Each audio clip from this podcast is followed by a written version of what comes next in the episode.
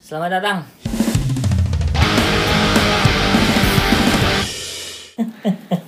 Kenapa pertama kali itu selalu menjadi deg-degan? Iya sih. Gue dulu pas pertama kali bisa bawa motor, gue boker berapa kali. Makannya antara di parkir atau di Taman Situ Lembang. nah, pertama kali lu interview kantor di mana? Hmm, lu tau gak sih ada sindikat kantor bodong?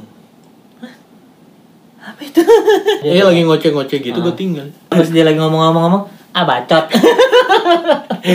Kamu siap jadi satpam? Di mana aja? Hmm, lu bayangin gue jadi satpam terus malam kan gue harus jaga Iya. malam.